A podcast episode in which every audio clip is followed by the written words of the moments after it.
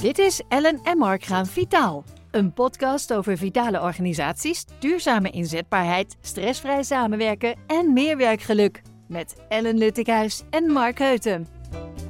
En zo is het. De vierde podcast alweer, Ellen. Ja, de vierde alweer, De Mark. vierde. Dat voelt eigenlijk niet zo. Niet? Nee, het voelt al eh, zo voelt lekker als? vertrouwd. Dus jij denkt dat het meer 18 is of zo? Oké. Ja, nou, ik, ik, zit, er- ik zit er wel lekker in al. Nou, dat is goed. Ja. Want eh, we gaan nog eh, door naar eh, boven de 20, denk ik. Dus Dat, daar gaan we wel zeker daar voor. gaan we zeker voor. Hey, dit is een mooie aflevering. Die andere zijn ook heel mooi. Maar dit is een hele mooie aflevering, want we hebben gasten vanochtend. Zeker, Ja. zeker. Heel blij mee. Ja, zeker. Aan tafel zitten Boesra Heuten en zij is hoofd HR en ontwikkeling van het, het, ik moet zeggen, het Slingeland ziekenhuis, zonder het dan, uit Doetinchem. En Mariette Mooi en zij is adviseur verzuim en vitaliteit Welkom. Slingeland in Doetinchem. Welkom, leuk dat jullie er zijn. Eh, Dank je. fijn dat jullie de tijd hebben willen maken. We gaan het hebben over vitaliteit vanochtend, maar eerst eventjes Slingeland ziekenhuis. Even, waar hebben we het over? Hoe groot, hoeveel mensen? Zeker. Slingeland ziekenhuis. Het is eh, in 75 ontstaan door een fusie door twee ziekenhuizen. Het Wilhelmina ziekenhuis en het Sint-Jozef ziekenhuis. En daarna hè, is dus in 75 het Slingeland ziekenhuis ontstaan. En vernoemd naar het riviertje in de Achterhoek. Het Slingen. Dus nou, daar hebben we onze mooie naam eh, eh, aan te danken. Maar vervolgens is eh Slingeland ziekenhuis een algemeen ziekenhuis. Hè? Dus eh, in termen van ziekenhuizen.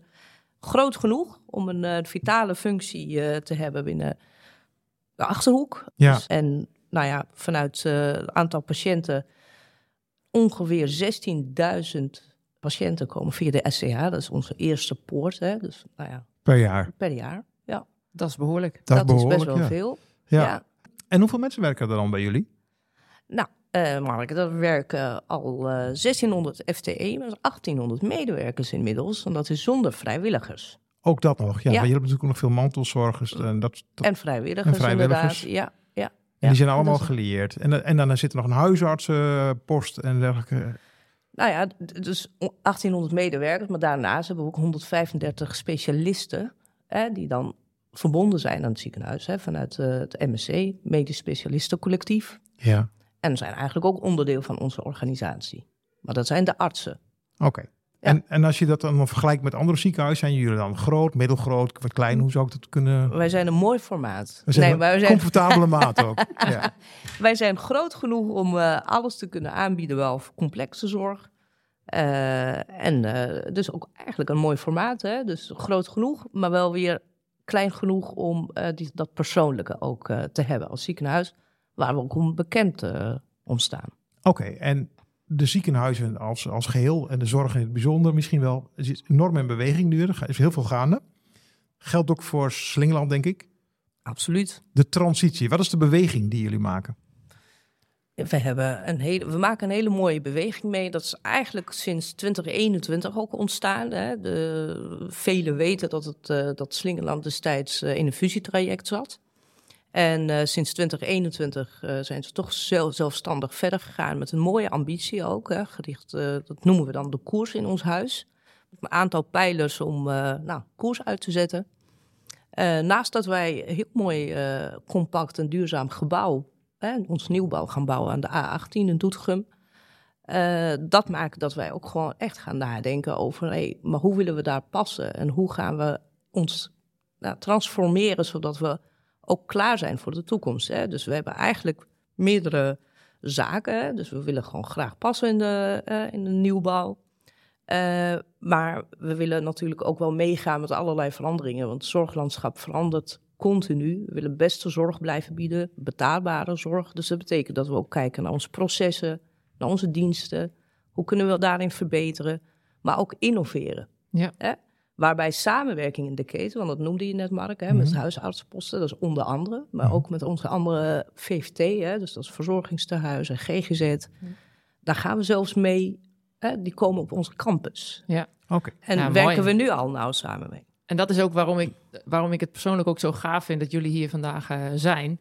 Omdat eh, ja, een zorginstelling, een, een ziekenhuis als jullie, is gewoon natuurlijk super eh, direct gerelateerd aan duurzame inzetbaarheid en vitaliteit. En hoe mooi is het dat jullie hier vandaag daarover meer kunnen vertellen? Want jullie zijn er zeker al actief mee binnen het ziekenhuis.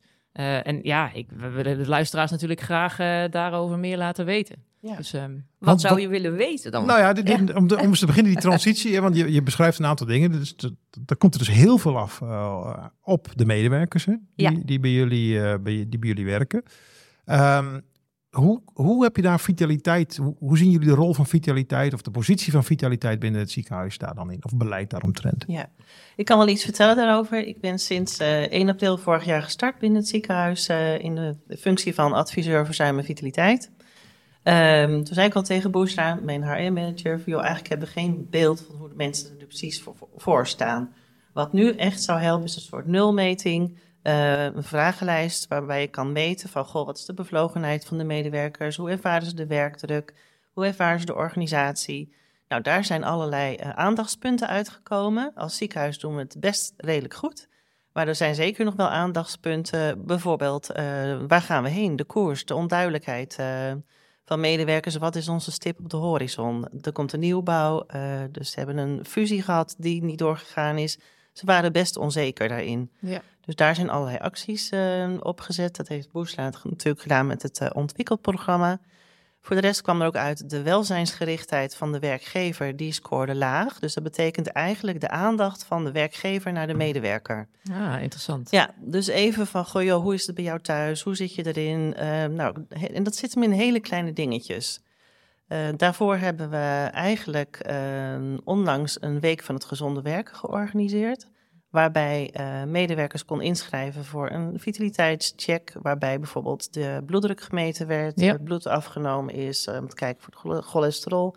En daarna een gesprek met de vitalite- vitaliteitscoach. Ja, en dat konden ze vrijblijvend doen. Hè? Dat was, Ja. was niet verplicht. Dat is iets wat je als verplicht. werkgever faciliteert. Nee. En hoe, hoe was die opkomst? Nou ja, de, de stoelmassages waren binnen no time uitverkocht. De Snap ik. Die kan iedereen natuurlijk wel goed eh, gebruiken. Eh, Wat heel mooi was, is ook dat de vrijwilligers, die normaal gesproken de handmassages bij de patiënten doen, die, ehm, eh, die deden dat ook bij, voor de medewerkers. We hebben een smoothiefiets georganiseerd, waarbij je zeg maar eh, actief eh, je eigen smoothie kan, eh, kan Die was maken. ook populair, hè? Ja, Die was ook binnen no, time uitverkocht. Ehm, medewerkers hebben yogalessen gegeven, eh bootcamp is er gegeven, een lunchwandeling eh, met een route door het bos achter het Slingerland ziekenhuis. Dus eigenlijk is het een kleine manier geweest om mensen toch een beetje aandacht te geven en ook weer in beweging te krijgen. Want wat, wat, wat was dan voor jullie de trigger om te zeggen, dit moeten wij gaan doen? Wij moeten nu dit soort activiteiten voor medewerkers gaan houden, want wat, Ja. wat zat daar dan achter? Nou ja, eigenlijk eh, komt dit al voort uit Gezond Vooruit. Dat is een, eh, een club mensen die tijdens de coronatijd eh, zijn samengekomen. Die hebben gezegd van nou, we moeten echt iets doen voor de patiënten, maar ook voor de medewerkers om ze vitaal te houden en betrokken te houden bij, de, bij het ziekenhuis. En van daaruit hebben we gedacht van nou, dan gaan we toch verder. Ehm, we willen niet zozeer eh, sturen op het verzuim, maar juist op de mensen die inzetbaar zijn. Dus die aan de bedden staan en niet omgevallen zijn. Dus dat is eigenlijk voor ons een beweegreden om ook echt voor die mensen ehm, activiteiten te organiseren, maar ook straks het gewoon het goede gesprek aan eh, te gaan. ja, en je zegt, eh, we, he- we hebben dat georganiseerd. Wie is dan we in dit eh, verhaal? Ja, is we- alleen van eh, management of leidinggevend... of zijn er ook medewerkers van de werkvloer bij Ja. betrokken? Ja, juist. Juist de medewerkers van de werkvloer. Dat is echt gezond vooruit en dat is ook de kracht van gezond vooruit. eh, de bekendheid van gezond vooruit. Dat ze nou ja, heel veel eh, mensen zijn die betrokken daarbij bij zijn. Mooi. En we hebben het initiatief gewoon echt gezien en omarmd hè, vanuit HR. Zo van, nou, dit is zo, eh, in het voorgesprek hadden we het erover. Ja, Zo mooi dat, we, dat het al organisch is ontstaan. ja. En nu willen we eigenlijk verder helpen. Hè, met de komst van Mariette erbij. Willen we al die mooie initiatieven wat duurzamer gaan inzetten in onze Ja. organisatie. Ja, Ja. mooi. Want jullie hebben, want dat is jouw rol hè Marit? Jij bent dan Ja. de adviseur vitaliteit en verzuim. Dat is Klopt. een nieuwe rol, toch? Of niet? Is een nieuwe rol binnen het ziekenhuis. Ja. Die was er nog niet. Nee. Toen ik eh, kwam, toen zei Boesje, nou, er is een vacature voor eh, adviseur verzuim. Ik zei, nou, er moet echt wel vitaliteit bij, want alleen sturen op verzuim ben je eigenlijk al te laat. Ja. Dus vandaar dat we echt eh, de inzetbaarheid, de vitaliteit kant erbij eh, hebben genomen. En je zei net van ja, hè, we willen de medewerkers werken aan hun vitaliteit en, en hun betrokkenheid eigenlijk ook. Ja. Wa- wa- Want daar zat zorg dat de vitaliteit van de medewerkers niet dat dat, dat, dat afnam of dat het minder was. Wat? Nou ja, we weten allemaal in de zorg, eh, dus iedereen Werkdruk. heeft het over de werkdruk. Ja, En mensen eh, moeten langer doorwerken. Eh, het is fysiek zwaar werk. Dus we doen natuurlijk veel aan werkhoudingen, ergocoaches lopen er rond, werkplekkenonderzoeken. Het wordt allemaal wel gedaan. Maar overal moeten we echt wel zorgen dat, dat er goede begeleiding er is voor de mensen. ja, En ik denk dat het naast het ziekenhuis, het, het is ook een breed fenomeen. We hebben allemaal ook met arbeidskrapte te maken. We moeten allemaal langer werken. Eh, en we hebben ook natuurlijk gezien dat onze medewerkers zijn, eh, ja, zonder onze medewerkers kunnen we ook geen zorg bieden. Ja. Eh, dus die, die, die- goed, dat bestaat natuurlijk al veel langer. Maar binnen ons ziekenhuis hebben we daar ook gewoon veel meer, veel, veel dichtbij gezien vanuit corona. En daarop is het ook echt versnelling opgekomen. Ja. Om weer, ja, veel meer te gaan investeren in de gezondheid of vitaliteit in het algemeen van onze medewerkers. Ja. En wat merk je dan aan de, de motivatie hè, van medewerkers? Want dat is ook altijd een heel erg item. Hè? Ik vroeg het al eerder eh, in het gesprek net van hey, hoe, hoe wordt het eh, omarmd hè, als je zoiets aanbiedt? Eh, wat merk je aan die motivatie van medewerkers? Is die dan gegroeid naarmate jullie langer bezig zijn met vitale activiteiten? Ik denk dat het wel een klein stukje is gegroeid, maar je merkt nog steeds mensen uit de zorg, ja, die zorgen heel goed voor anderen, maar niet voor zichzelf. Ja. En dat is juist zo belangrijk dat ze dat gaan beseffen van ja, wil ik voor anderen goed kunnen zorgen, moet ik het ook eerst voor mezelf doen. Ja, en het is, eh, we gaan in kleine stapjes naar een groter doel. Ja. En dat heb je niet eh, binnen twee weken bereikt. Duurzame inzetbaarheid of vitaliteit is echt wel lange adem. lange Ja. adem. Ja. Ja. Ja. Ja. Ja, en, en hoe communiceren jullie dit dan? Behalve dat je activiteiten communiceert, maar ook dat je, dat je dit, wat jij zei net heel mooi, hè? dat je moet eerst goed voor jezelf zorgen, wil je voor een ander kunnen zorgen. Praten jullie dan ook zo binnen dit ziekenhuis over dit onderwerp? Of ligt het op de tafels? Op bepaalde tafels wel. Ik denk dat, eh, nou, dat we vandaag hier zitten. Misschien gaan we daar ook wel gebruik van maken. Om veel meer ook middels een podcast of wat dan ook. Wat meer in gesprek te gaan. Want dat is echt heel belangrijk. Hè? Wij, wij bedenken, we vinden heel veel. We willen heel graag heel veel. Maar soms, ja, dat laatste stukje, het meenemen en communiceren. Dat mag best wel wat vaker gebeuren. Ja, Hè? Want nu, ja goed, eh, je vraagt het weer aan via je uh, assetnet, hè, in ons geval. Hè, in te- Interne in- website, ja. Ja. Maar ja, dat bereikt niet iedereen. Dus ergens eh, is communicatie natuurlijk heel erg cruciaal. Ja, Het zou heel mooi zijn als we langs de werkoverleggen kunnen gaan om daar meer bekendheid eh, voor te vragen. Ja. Eh, we hebben een hele goede af- afdeling administratie, die, of nee, sorry, communicatie, die heel veel gedaan heeft. Dus dat is super mooi. Mooi, mooi. Ja, dus jullie hebben echt al wel mooie stappen gezet. Hè? En begon ook echt, wat ik hoor, eh, met een stukje meten. Dus dat inzicht. Ja. En vanuit het inzicht hebben jullie gekeken van... Goh, wat zijn nou de eerste stappen? Hè? Wat is eigenlijk laaghangend fruit? En op welk punt staan jullie nu? Op dit moment eh, wordt er veel gedaan. We kunnen nog niet zeggen op welk punt we nu staan. Als je kijkt naar de medewerkers. Eh, de vragenlijst, eh, daar komt zeker een vervolg op. We willen van het najaar of misschien bo- eh, volgend jaar een puls uitzetten waarbij we opnieuw kunnen meten. En dan heb je ook echt gerichte resultaat. Met name met een stukje eh, ongewenste omgangsvormen. Daar scoorden we ook best wel hoog eh, in het ziekenhuis. Niet hoger dan eh, andere benchmarken in, marken in de zorg. Maar het, ja, voor ons was het toch wel eh, aanleiding om hier aandacht aan te besteden. Vandaar dat we nu ook met dialoogsessies over ongewenst gedrag bezig zijn. Ja. En dan gaan we zeker eind van het jaar een puls uitzetten naar medewerkers van goh, hoe, hoe staan we er nu voor? Dit is Ellen en Mark gaan vitaal. Eh Mariette, jij zei net iets over, eh, over eh, gewenst of ongewenst gedrag en, de, en daar, de groepsessies die jullie daarover houden. Ehm, wat was nou specifiek de aanleiding? Is het alleen het onderzoek geweest om hier meer te starten of zijn er nog meer aanleidingen? Nee, het is niet alleen het onderzoek. Het onderzoek gaf ook wel ons de doorslag van daar moeten we mee aan de slag. Binnen het Slingeland ziekenhuis ervaren we net zoals bij andere organisaties ook eh, gewenst en ongewenst gedrag. Ehm, vandaar dat wij eh, ook hebben bedacht van nou laten we een soort eh, dialoogsessie gaan eh, organiseren over gewenst gedrag. Wat moet je nou doen om prettig samen te werken?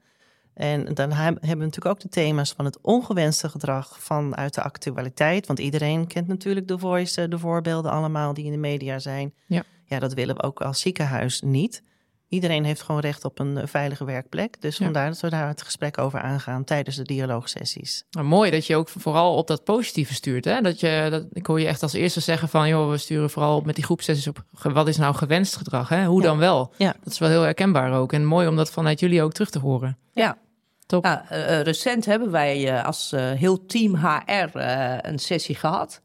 Onder begeleiding van Mariette, maar ook ons eh, extern vertrouwenspersoon. En dat was echt wel, eh, ook vanuit HR. de- ik zeg ook altijd, eh, Mariette noemde dat al. Mensen in de zorg zorgen eerst voor de patiënt, minder Ja. voor zichzelf. Ik zie dat ook wel eens bij HR. Ja. HR is altijd gericht op de klant, hè, op de business, op de lijn, maar minder op zichzelf. Dus ik zag, nou ja, voordat we het helemaal het huis in uitrollen, laten we het zelf gewoon gaan doen. Hè?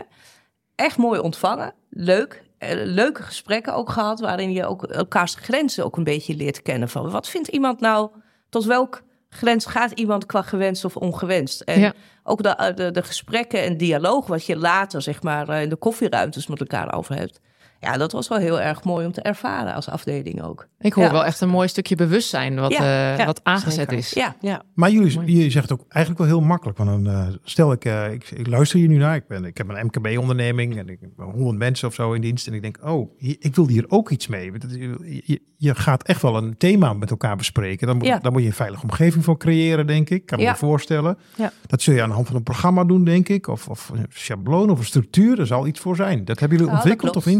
Of hoe is dat gegaan? Wat zouden mensen hiermee kunnen doen? Nou ja, we hebben zelf een eh, projectgroep eh, opgericht waar ook medewerkers eh, zitten.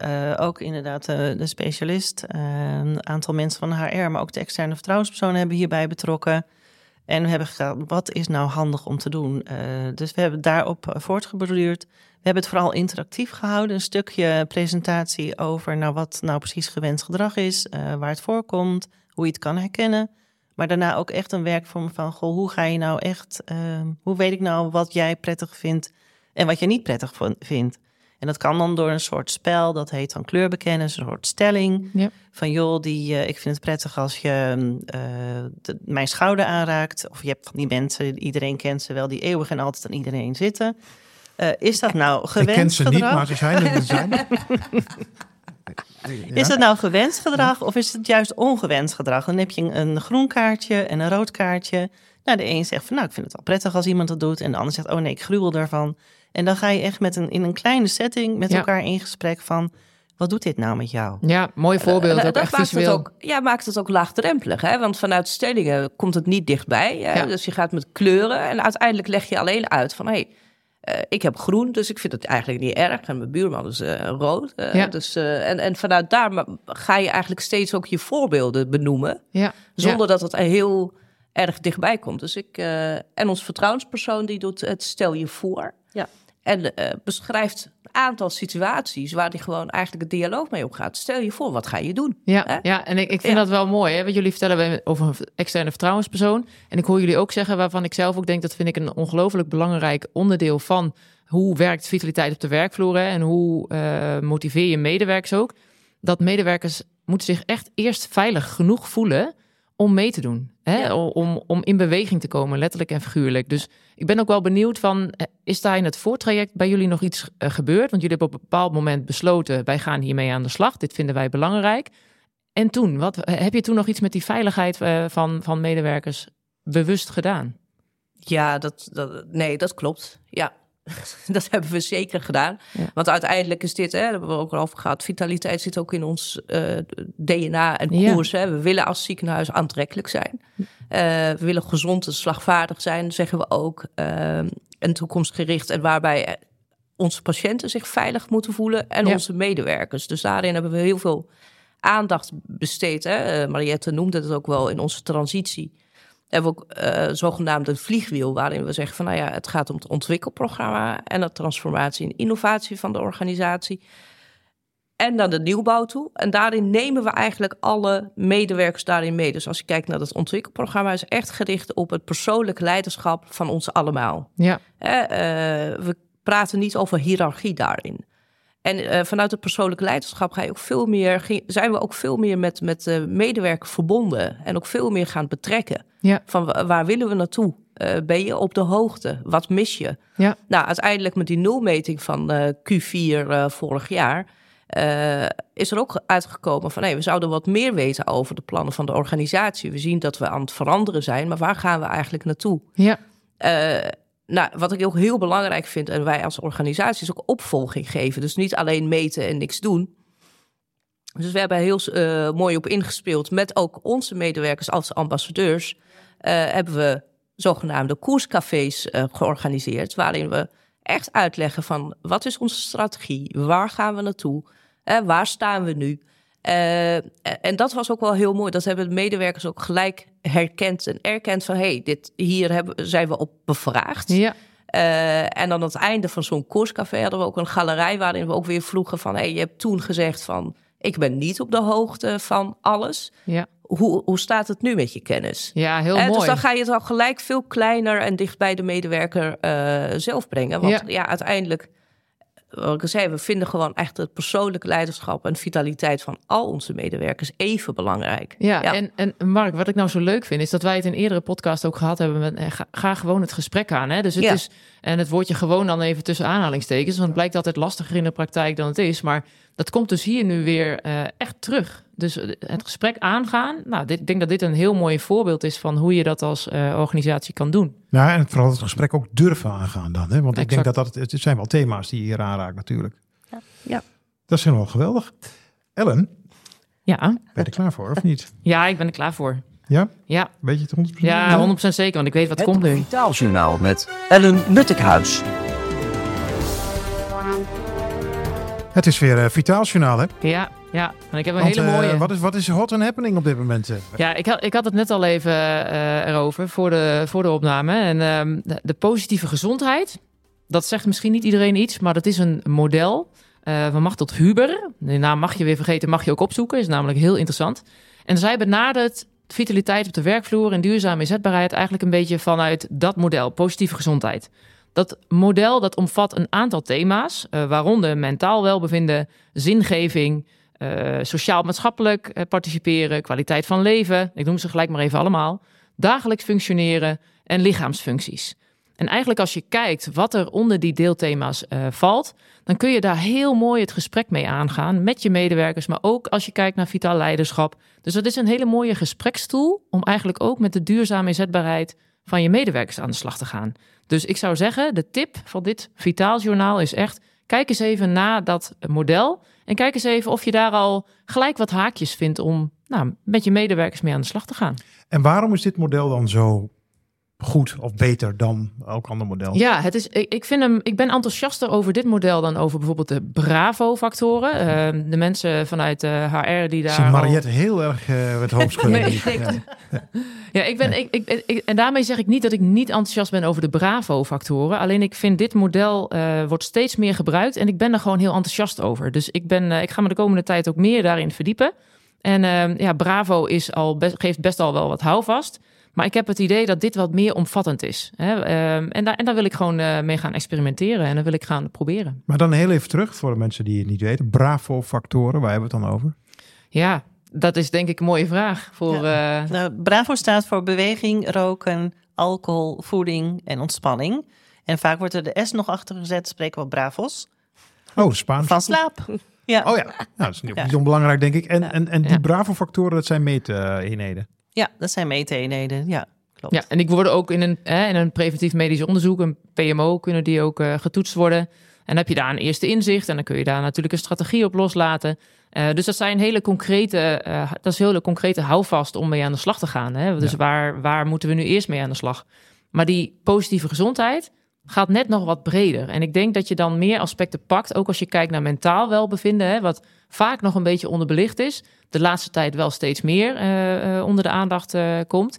Maar dan, uh, dan pak je net iets meer. En uh, zowel op groepsniveau als op individueel niveau kun je daar wat mee. Ja. ja. En die bravo's is ook echt, als je dat alleen maar meet. Je kan natuurlijk wel een sportman hebben die echt heel goed uh, fysiek uh, bezig is, maar eigenlijk die heeft een baan waar hij geen uh, werkplezier of werkgeluk in kan vinden. Ja, dan kan je heel hard sturen op bravos, maar dat ja. weet, je, weet je dan niet. Dus Perfect. dat is zo belangrijk. Perfect voorbeeld, want het is ook zo dat uh, in die positieve gezondheid komt zingeving naar, naar voren. Hè? En dat is het uh, deelonderwerp wat we ook al vaker besproken hebben, het werkgeluk. En ja. dat zit heel erg ook in die zingeving. Waarom kom ik mijn bed uit 's ochtends?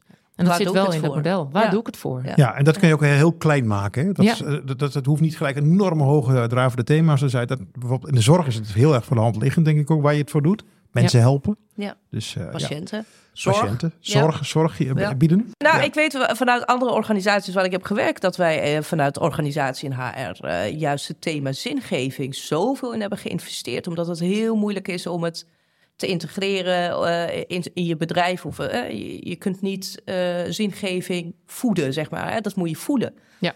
En eh, sinds ik bij het ziekenhuis werk, zie ik, zeg ik ook altijd van... nou ja, de moeilijkste factor hebben we al. Onze mensen komen hier Ja. gewoon echt vanuit een bezieling en zielgeving werken. Ja. Hè, de rest is eigenlijk allemaal faciliterend, zodat ze dat wat ze heel graag doen en van houden ook kunnen blijven doen. Ja. Dus, eh, en ik ben trouwens wel blij dat het nou niet meer zo statisch gaat over het meten of hoeveel je alcohol gebruikt of wat dan ook. Maar dat Ja. het echt gaat over je engagement, je betrokkenheid hè, bij de organisatie. Absoluut. Ja. Ja. mooi gezegd. Ja, helemaal eens. Ik vind het een mooi einde van deze podcast. Eh, maar niet getreurd, er komt nog een deel 2 over Slingeland. Want we moeten het nog wel even gaan hebben over, daar hebben we het al even over gehad, maar we moeten even iets dieper eh, ingaan op het mentale stuk. Het is eh, redelijk nog over het fysieke hebben gesproken. En ik ben zelf, en jij denk ik ook Ellen, erg benieuwd naar hoe jullie omgaan met leiderschap, een vitaal leiderschap. En op welke levels jullie dat dan doen. Ja. Dus dat is de volgende podcast. Dus wat mij betreft, eh, Ellen, sluiten we er gewoon weer af met onze standaard ei- einde. Ik eh, zit Tot er ook de helemaal lekker volgende. in. Tot de volgende. Tot de volgende! Tot ziens. Dit was Ellen en Mark gaan vitaal. Wil jij meer informatie over deze podcast? Stuur dan een mailtje naar ellen.vitaalwerkt.nl.